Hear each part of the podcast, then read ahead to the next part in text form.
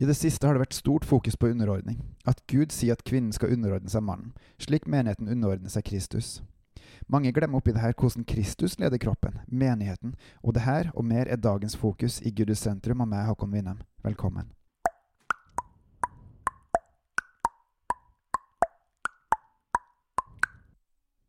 Jan Bygstad, Delk og for Bibel og bekjennelse, skrev nylig i avisa Dagen.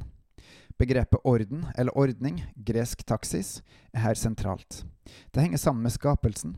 Gud har gitt skaperordninga for at menneskelig samliv skal fungere etter hans vilje. Begrepet underordne, gresk hypotasso, er avledet av begrepet taksis, og betyr å gå inn under den ordning som er gitt av Gud. I det her ligger stor velsignelse gjemt, like som stor ulykke er konsekvensen av opprør mot Guds ordninger. Så Gud har altså ved skapelsen satt inn et system, en orden, eh, sagt hva som er sant og godt. Ønsker man å følge Guds orden, ja, da tar man Hans ord for sant og følger det. Ethvert oppgjør med det her er et opprør mot Gud, mot det Han sier er sant og godt. Ja, vi har lov til å sjøl velge hvem vi vil følge, men sier man at Jesus er vår frelser, men ikke følger det han sier, eller enda verre, lærer å praktisere vekk opprør mot Guds orden, og andre med? Velger man derimot å underordne seg Guds orden, da høster man stor velsignelse. Den største er at vi blir frelst, pluss får stige framfor Gud, himmelens og jordens skaper, og vi kan bli kjent med Han. Men videre følger det mange andre velsignelser også, deriblant ved å hedre sin far og mor. Er man alltid enig i Guds orden?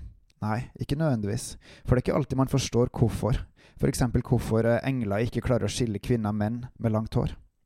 Men å underordne seg handler om å likevel følge Gud, for Han er god og er sannheten. Vi må rett og slett stole mer på Guds allmakt og viten enn på egne og samtidas fornuft og viten.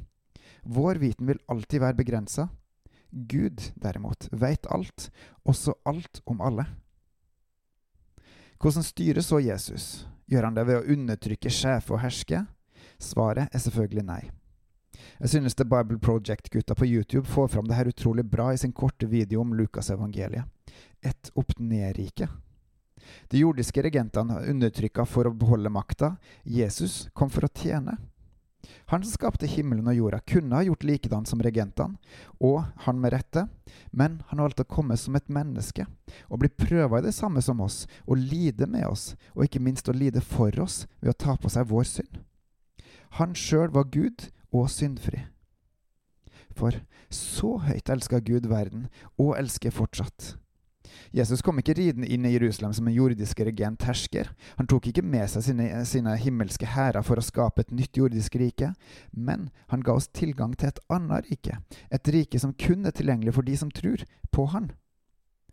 Mon tro om de som fornekter Guds orden, har tilgang til Guds rike, til å stige framfor Han? Så ønsker vi kristne å følge Gud, så må vi underordne oss Hans orden. Men det følger stor velsignelse. Det kan fortsatt være vanskelig å forstå og skjønne hvordan alt henger sammen, vi er jo tross alt bare mennesker. Men først og fremst må vi la Gud og Guds ord få være fjellet vi står på, og ikke sandgrunnen slik denne verden bygger sitt hus på. Å være kristen er altså å underordne seg Gud og Hans orden, og hvile trygt i det. Hos Han er vi jo trygge, for alt annet svikter før eller seinere. Søk derfor Guds rike og Hans rettferdighet, så skal vi få alt det andre i tillegg, som det står i Matteus 6,33 bebels og på gjenhør.